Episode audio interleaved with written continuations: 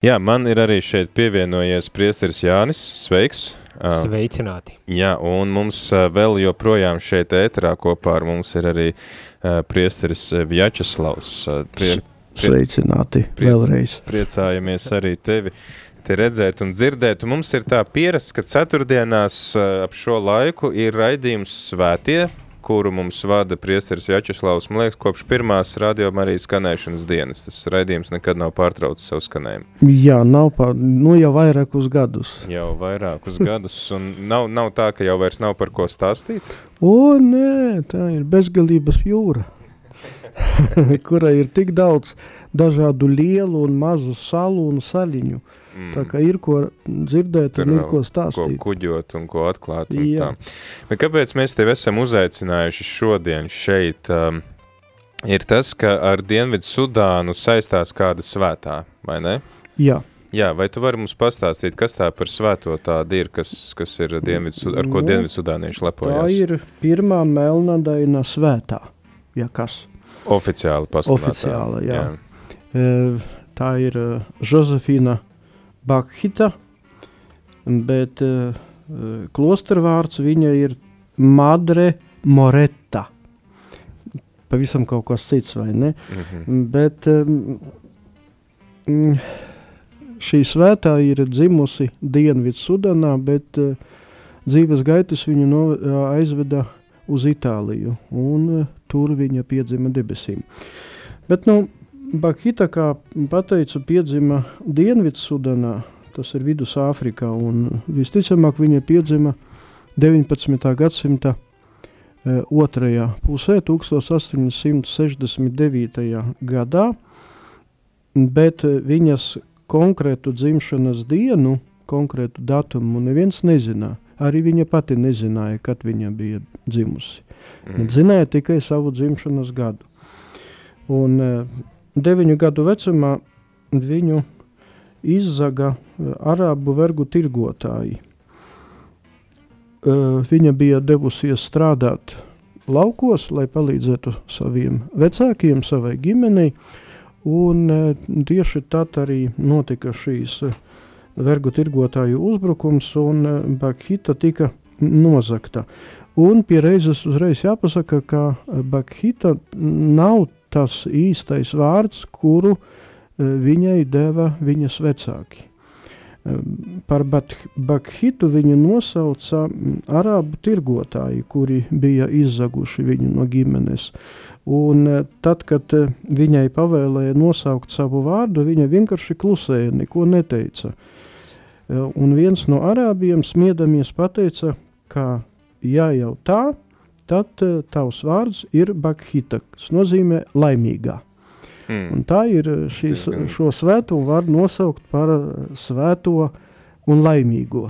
Diezgan tāda uh, sarkastiska vārda no, izvēle, jā. ņemot vērā, ka tas ir cilvēks, kas ir verdzībā. Jā, jā laimīga viņa arī, nu, kas saka, tika nosaukta, bet, nu, laimīga viņa nebija. Jo viņas sirdi pildīja gan nedrošība, gan bailes, gan skumjas un uh, Nu, kā jau toreiz eh, bērniņš, kuram tikai deviņi gadi bija, vai ne? Un mm. Neko no dzīves tā īsti nebija redzējusi. Un, un, eh, nedaudz vēlāk Bakita kopā ar vēl vienu savu bēdu māsu mēģināja izbeigt, izbēgt no vergturiem, un tas viņai arī izdevās. Viņi, viņas paslēpās mežā, un diemžēl tur nepalaimējās, jo viņam uzbruka lauva. Un abas uzrāpās kādā kokā, un uz kura nosēdēja līdz tam mirklim, kad lauga aizgāja meklēt citu medījumu. Laikam apnika viņam gaidīt, kamēr tas meitenes nokāps lejā. Un, eh, diemžēl, pavisam drīz viņas iekrita citu vergu tirgotāju lamatās, un tas savukārt aizveda viņu abus divus uz vergu tirgu Eļobeidā. Un Bakhitas līdzgaitniece tika pārdota, bet pašu Bakhitu vergu tirgotais atdeva savai meitai par kalponi. Un šeit laikam arī ir tas pirmais dieva apridzības pagrieziens meitenes dzīvē, jo nu, viņa, viņa varēja tāpat pārdot, un viņas gaitas, nu, neviens jau nezinātu, kas viņu sagaidītu. Bet viņa nonāca savas verdzības pirmajā vietā, kur viņai nu, negāja slikti.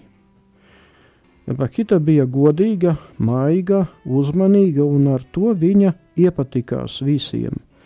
Gadījās tomēr, ka Bakita nejauši bija saplēsusi kādu dārgu vāzi vai vēl kaut ko tam līdzīgu, bet nu, mm, dzīvoja puslīdz normāli. Bet eh, tad, kad nu, notika šīs starpgadījums, respektīvi viņa saplēsa kādu ļoti dārgu vāzi, par to viņu sasita un tika nolemts viņu pārdot citam saimniekam. Un eh, par nākamo Bakhitas saimnieku kļuva kāds turku oficieris, kuram bija liela ģimene. Un šeit, šeit, šai ģimenei Bakhitai savukārt negāja viegli. Šis ģimenes sievietes ļoti bieži pat bez iemesla sita viņu gan ar žagariem, gan ar pletniem. Pat lika izdedzināt tetuvējumu uz Bakhitas ādas, jo nu, tāda toreiz bija mode. Un e, Bakitas dzīve pamainījās tikai tad, kad oficieris nolēma atgriezties uz savu dzimteni ar visu savu mm, ģimeni. Un šoreiz Bakita atkal tika aizvesta uz uh, tirgu, un viņu mēģināja pārdot. Un viņu iegādājās Itālijas vicekonsuls. Un viņš bija patiešām labs cilvēks un paņēma Bakitu nevis kā verdzeni, bet gan kā savu meitu. Un vicekonsuls pat bija uzsācis meklēt Bakhitas vecākus, lai viņa varētu atgriezties pie savējiem. Tomēr bija pagājis daudz gadu, un Bakhita vairs neko nespēja atcerēties no savas bērnības. Ne savu īsto vārdu, ne uzvārdu, ne radus, ne vietu, ne dzimšanas datumu, nekur viņa bija dzimusi, arī kur viņa dzīvojusi, neatcerējās, un rezultātā vicekonsuls paņēma Bakhitu sev līdzi uz Itāliju. Tā nu viņa arī nonāca Eiropas pusē. Tas no tad arī ir, ir brīdis, kad viņi iepazīst arī kristietību, ja? Tur Itālijā. Nedaudz vēlāk. Nedaudz vēlāk. Nedaudz vēlāk. Klausītāji atgādinu, ka šodien sarunājamies šeit ēterā ar priesteri Vjačeslavu Bogdānovu raidījumas svētie uh, autoru, kurš šodien mums stāsta par Dienvidu Sudānas svēto. Tā tad ir eh, valsts, kuru mēs atbalstam marietonā, un kaut arī mēs šeit ēterā sarunājamies, tas eh, netraucē tev, klausītāji, iesaistīties eh, šajā um, marietona programmā, jo, diemžēl, mums joprojām ir, nav izdevies sasniegt 7000 eiro atzīmu, mēs esam apstājušies pie 6985, nu tas nozīmē, ka ir tikai 15 eiro vajadzīgi, lai sasniegtu nākamo līmeni. Mums joprojām ir, diemžēl, tikai divi priesteri, kas ir uh, noziedojuši uh, Radio Marija uh, uzturēšanai, un tikai viens ir piezvanījis uz ēteru.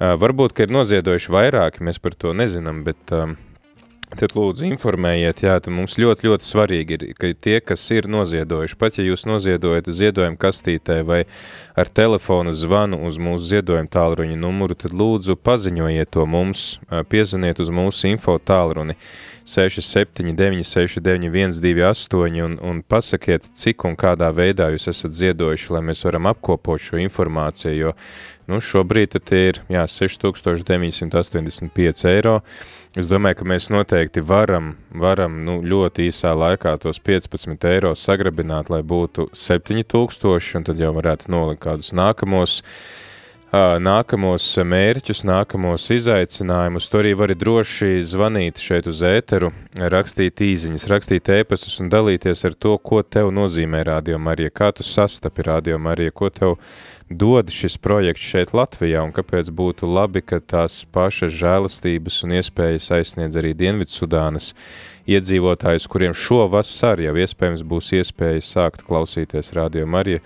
Ēka ir pabeigta, ir studija vēl jāpabeidz iekārtot un tad vēl arī jāpalaiž šī frekvence, kurai mēs arī ziedojam šajā marietona akcijā, un tava liecība var iedrošināt kādu citu um, klausīties radiom arī vairāk, atbalstīt to ar saviem ziedojumiem, ar savām lūkšanām, ar kādu gandari, gavēni, Tā kā droši ceram klausītājus jūsu iesaistīšanos, lai priesterim Jačeslavam tad nav vienam pašam visu laiku jārunā. Bet uh, tad, uh, kamēr mūsu klausītāji uh, ziedo, informē mūs par saviem ziedojumiem un, un dalās ar savām liecībām, tad kā tur tālāk tie Bahitas uh, ceļi ved, jo šī viņa dzīves pirmā daļa īstenībā izklausās, ka arī daudziem dienvidu sudāniešiem joprojām ir nu, kaut kas līdzīgs. Daudzi dienvidu sudānieši uzaug uh, bēgļu nometnēs, kur arī viņi ir nu, viens no daudziem, un, un daudzi nemaz nav satikuši savu ģimeni, kopš viņi ir sadalīti kara dēļ pa šīm nometnēm, un uh, mēs arī dzirdējām priesterus ēterā, kuri uh, piemēram, visu formācijas laiku un pat pēc tam kā priesteri nav satikuši savu ģimeni gadiem ilgi, tad kā, kā tās bahetas gaitas ved tālāk? Jā, tik tiešām vēl pirms kādiem desmit gadiem Dienvidu Sudānu plosēja karš. Vēl pirms četriem gadiem? Jā, arī, arī jā. tas, jā. Bet, nu, sākās laulika laikam jau 11. 13. gadā. 13. Mhm. Jā. Nu jā, tad Bakita kopā ar savu labdari, mm, Itālijas konsulu, nonāca Dženovā, un tur viņa iepazinās ar kādu ļoti bagātu Mikeli kundzi, kurai bija arī sava meita. Un tā tik piekierās Bakhitai, ka vicekonsuls piekrita tam, ka Bakhita paliktu pie viņām – Šoreiz Bakita netika pārdota, bet vienkārši viņa pārgāja dzīvot pie šīs e, Mikeļi kundzes. Un e, toreiz Bakitai bija jau 14 gadi. Un tā kā e, Mikeļi kundzei piederēja savs hotelis Sarkanas jūras krastā, tika nolemts, ka nākotnē Bakita varētu hotelī kļūt par viesmīli, vienkārši par strādnieci tur. Un tikmēr tagad Bakita lielāko daļu dzīvoja Mikeļas kundzes eh, ģimenes mājā Venecijā, kuru kļuva par Mikeļas eh, meitas pavadoni. Un tad tu jautāji par to mm, pievēršanos Kristum, tieši tad arī notika mm, šīs pagrieziens – jo formāli Bakhita skaitījās islamticīgā.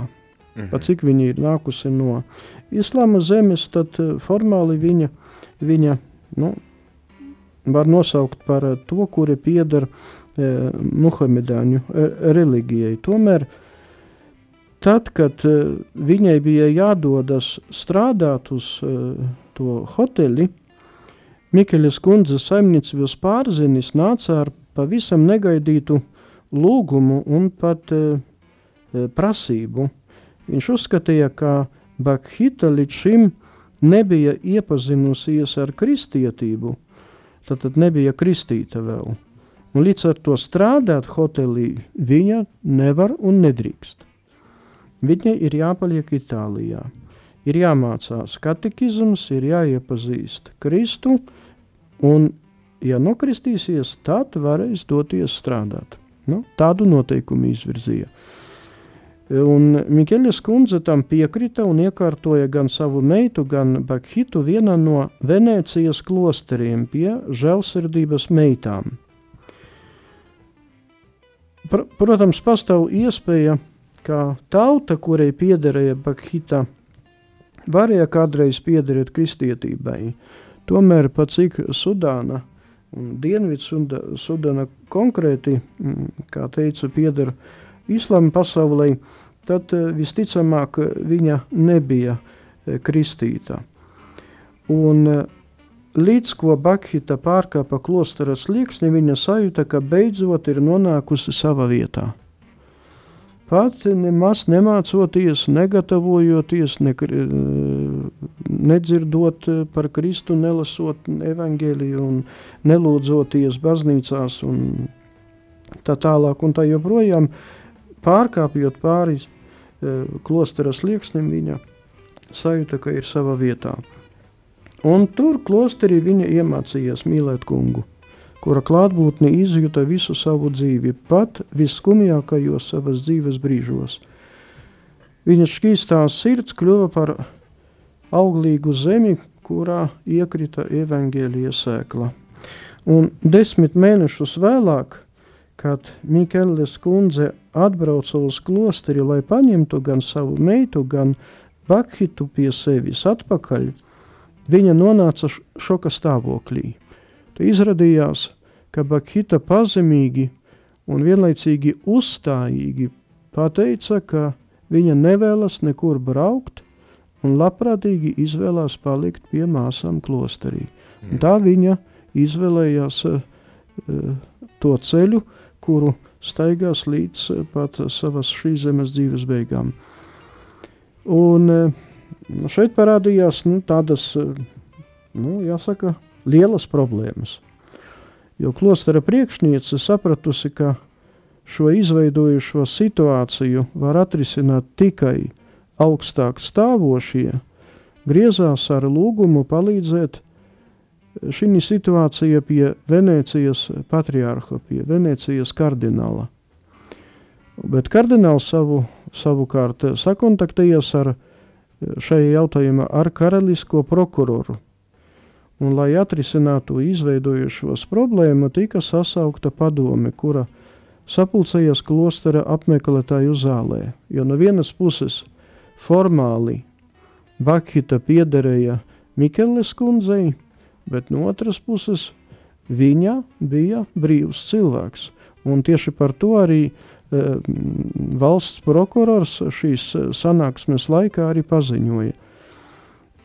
Jāsaka, ka padomes darbības laikā sarunas gāja augstos toņos, jo Mikeles kundze e, skaļi pieprasīja Bakhitas atgriešanos.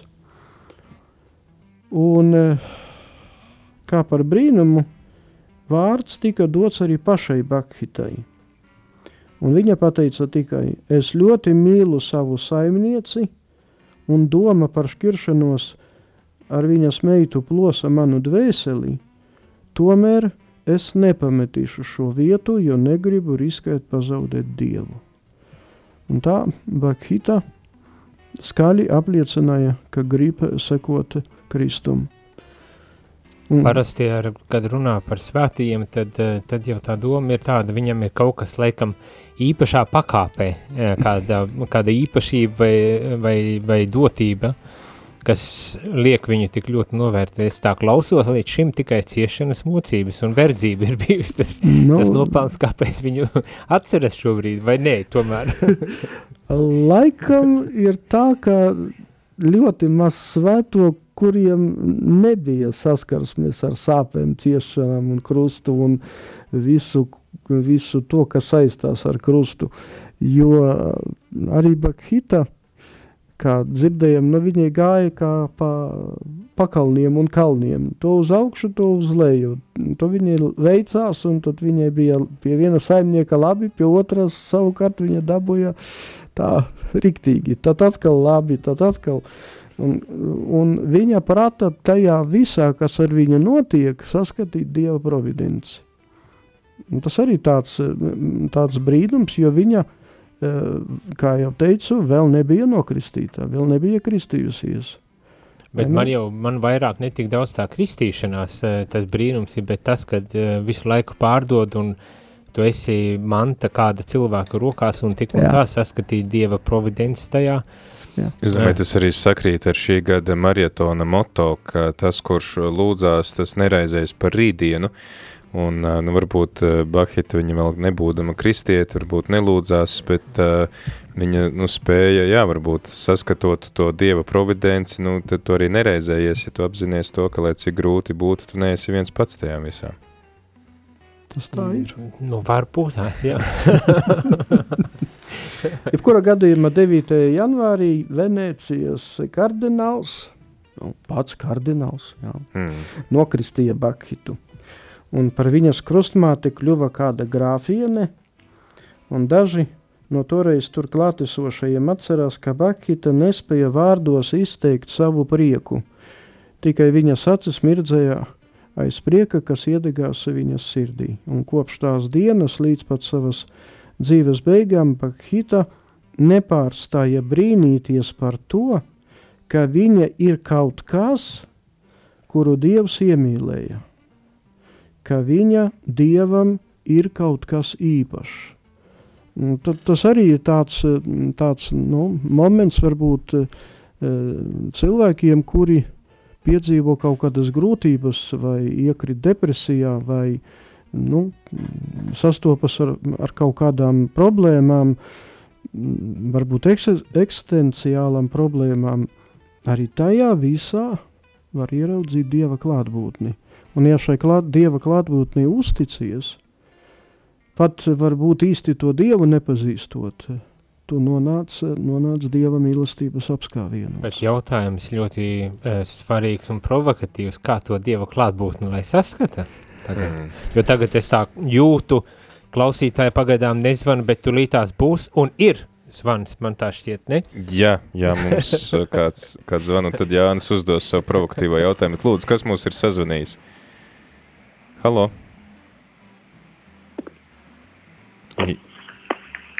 Un nav. Nav. Nu, tas, tas bija nozīmē, labs mēģinājums, jā, bet, bet jāmēģina vēlreiz. droši, klausītāji, jā, mēs šeit uh, runājam par svēto Bahitu, kura nāk no Dienvidu Sudānas, no zemes, uh, kuru mēs uh, gribam atbalstīt marietona akcijā. Mums kaut kā joprojām ir apstājušies ziedojumi pie 6985. Um, neienāk ziņas par to, ka būtu vēl kāds kādā veidā ziedojis, nu vai tiešām mēs jau 20 minūtes nevaram tikt pāri tai 7000 eiro atzīmēm. Mums pietrūks 15 eiro, lai tiktu pāri. Tā kā noziedojiet un ziņojiet mums, vai arī tad, ja jūs plānojat, piemēram, ziedot nu, savā draudzē ziedojumu kastītē ielikt to ziedojumu, tad vienkārši piezvaniet, es šovakar iešu vai rītā iešu uz savu draudzes baznīcu un atstāšu tik un tik. Un mēs tad varēsim šo informāciju jau pielikt klāt Jo man arī kāds uzrakstīja, ka es noziedoju draudzes ziedojumu kastītē, bet tad pasaka, cik, lai mēs varam informēt uh, tevi, uh, cik tavs ziedojums ir ļāvis sasniegt kādu, uh, kādu atzīmi, un mums, jā, šobrīd mēs esam apstājušies pie 6985. Ceram tikt tālāk ar tavu palīdzību, klausītāji, tad... Jā, bet tagad, Jāni, tavs, tavs provokatīvais Mans jautājums. provokatīvais jautājums ar to zvanu, es domāju, ka uh, būs vēl provokatīvāk kaut kas, bet šobrīd esmu piemirsis par, par, par savu jautājumu. Bet jautājums bija par to, kad, kā saskatīt Dievu, vai ne? Kad, kad šī bahita pēc kristībām bija pateicīga un priecīga saskatot to, kā Dievs viņu ir ieraudzījis ar kristību, ja es pareizi tagad atceros. Jā, jā, jā, un tomēr Mm, kaut arī, kaut arī viņa no, eh, nokristījās, kaut arī eh, viņa mm, nu, teiksim, tā atbrīvojās no, no savas saimnieces, nu, puslīdz miermīlīgā ceļā. Viņa, eh, kaut arī viņa juta aicinājumu dzīvot un klosterī un būt par klostermāsu. Viņa uzreiz to neizdarīja. Viņa meklēja. Un kā viena no saviem spredikiem eh, Pāvis Francisks teica, viņa uzdeva Dievam vairākus kāpēc jautājumus. Un visticamāk viņa arī at, atrada to atbildi savā sirds, sava sirds dziļumos, savā sirds eh, klusumā. Bakhita kaut arī vēlējās pievienoties klosteru māsām, kuras viņa iepazina vēl kādu laiku vilcinājis ar lūgumu uzņemt viņu klosterī, jo viņa nebija pārliecināta, ka viņu e, melnadaino uzņems klosterī. Ne, tāds, e, kā tas saucās? Aizspriedums. Aizspriedums, Jā. vai ne, viņas sirdī vēl mājoja.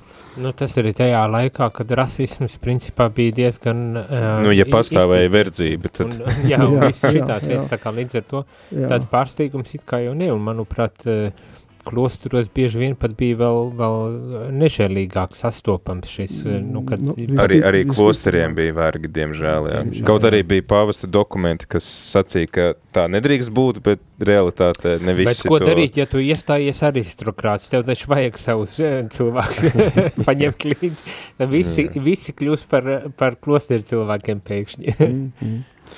1896. gada 8. decembrī Bakhita kļuva par māsu, žēlsirdības meitu.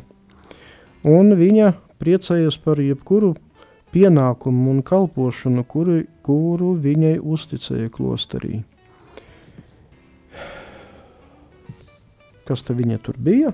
Sākotnēji viņa bija pavēre, pēc tam par veļas mazgātāju, vēlāk par māsu dežuranti, par zakristijas kalpotāju, par šūvēju. Nu, var sakot, tādi Praktiski darbi. praktiski darbi, nu, teiksim, tā zema līmeņa kalpošana, teiksim, tā no vienas puses skatoties, bet tas viņai absolūti netraucēja draudzēties ar nabadzīgiem, ar cietējiem, ar atstātajiem, un daži pat cilvēki vēlāk stāstīja par brīnumiem, kurus Bakhita darīja. Bērnus, kuri dažreiz baidījās no Bakhitas viņas tumšas ādas dēļ, viņas spēja mierināt, apmīļot, katru uzrunāt.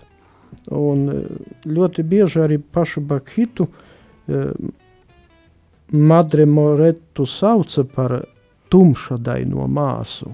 Nesauca par Josefīnu, nesauca par Bakhitu, bet uh, imen, Moretto man šķiet arī nozīmē, tie, kas itāliski jā, droši jā, vien jā, māk, tas droši arī vien. tumšainains, eh, tums, tumšādains arī nozīmē. Un klosteri viņa nodzīvoja visu savu mūžu, atlikušo 50 gadu. Redz, kā. Nu, tā. Skaisti. 1947. gadā, 8. februārī, Bakhita, tā laimīgā, piedzima debesīm. Un savas dzīves pēdējos četros gados Bakhitu piemeklēja daudz un dažādu slimību, kuras nereti atņima visus spēkus. Un visvairāk viņa tomēr pārdzīvoja, ka sagādā lielas, eh, mm, lielas rūpes tiem, kuri nu, ap, aprūpēja viņu, kuri eh, kalpoja viņai tad, kad viņa bija slima. Ko vēl var pateikt? To, ka viņa svētīgo kārtā tika iecelta 1992. gadā 17. maijā.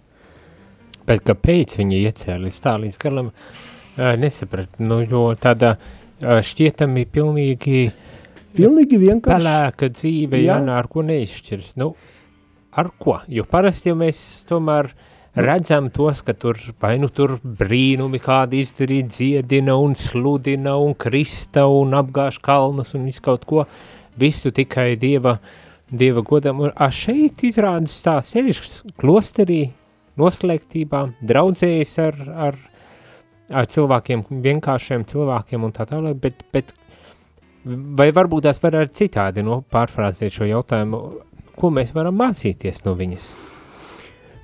To, ka kļūt par svēto nebūtu nenozīmē gāzt kalnus, bet uh, dzīvot savu ikdienišķo dzīvi saskaņā ar Kristus evaņģēliju, un tas arī viss.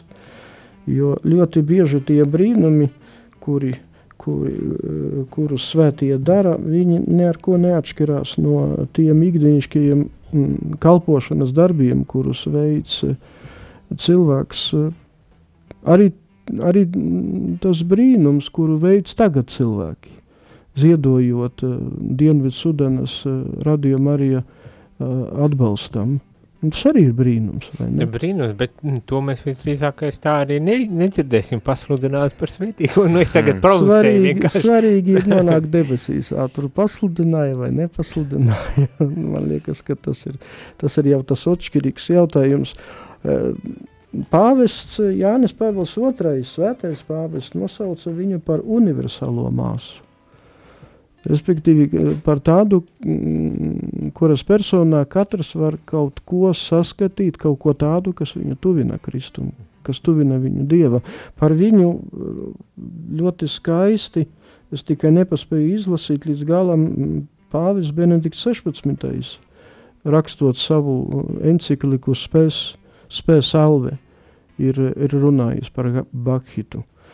Un arī tagadējais pāvis, pāvis Francisks, tieši viņš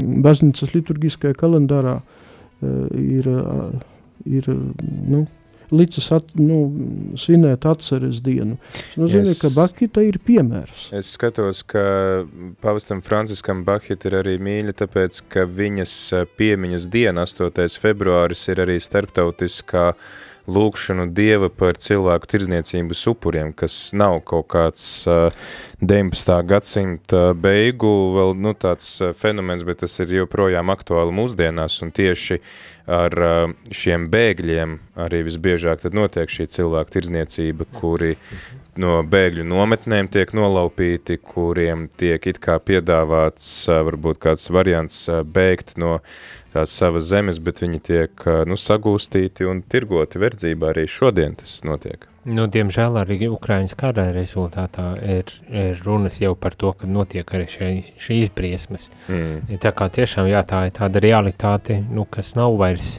kaut kur pagātnē un, un, un, un tālumā, bet ļoti, ļoti taustāva, diemžēl. Jā, mums arī priesteris uh, Jāčeslavs rāda, ka mums vajadzētu kādu dziesmas pauzi. Klausītāji noteikti, ka tev ir kādi jautājumi, komentāri, kāda liecība, varbūt, ko tu esi dzirdējis par svēto Bahitu. Uh, vai arī, ja tu ne, jo mums te arī ienāca ziņas, eh, ka rekura, kā es taču noziedoju kontā, kāpēc jums vēl tur nav eh, palielinājies tas ziedojumi. Mēs esam pārsnieguši tagad 7000 eiro, mums ir saziedot 7125 eiro, bet lūdzu, lūdzu, mīļā klausītāji, kad jūs noziedojat vai jūs apņematies ziedot, tad arī padodiet mums ziņu, kādā veidā jūs esat nolēmuši ziedot. Vai nu tad zvaniet uz mūsu info tālruņa numuru 67969128 un padalieties ar šo informāciju, tātad summa, kādā veidā un kur, lai mēs tad varam šo informāciju apkopot. Ir labi, ka jūs ziedojat, paldies, bet tad arī padodiet ziņu, kur un kādā veidā jūs to esat darījuši. Tā kā turpinam, turpinam, atbalstīt Radio Marija Dienvidu Sudānā un turpinam arī dalīties ar to, kāpēc ir vērts atbalstīt Radio Marija gan Latvijā, gan Dienvidu Sudānā. Tā kā nekautrējieties zvanīt šeit uz ēteru, rakstīt īziņas, rakstīt ēpastus un um, jā, sniegt savu liecību, lai cik arī vienkārši tā nebūtu, gluži kā Bahitē, nekas tāds īpašs, vienkārši seko, seko līdzi tiem darbiem, kas ir jāpadara, mazgā traukus, stājas ēst, mazgā grīdas, šujas salāpa to, kas ir vajadzīgs, un lūk arī tāda brīnišķīga dzīves liecība, kas liek mums raudzīties kā uz piemēru.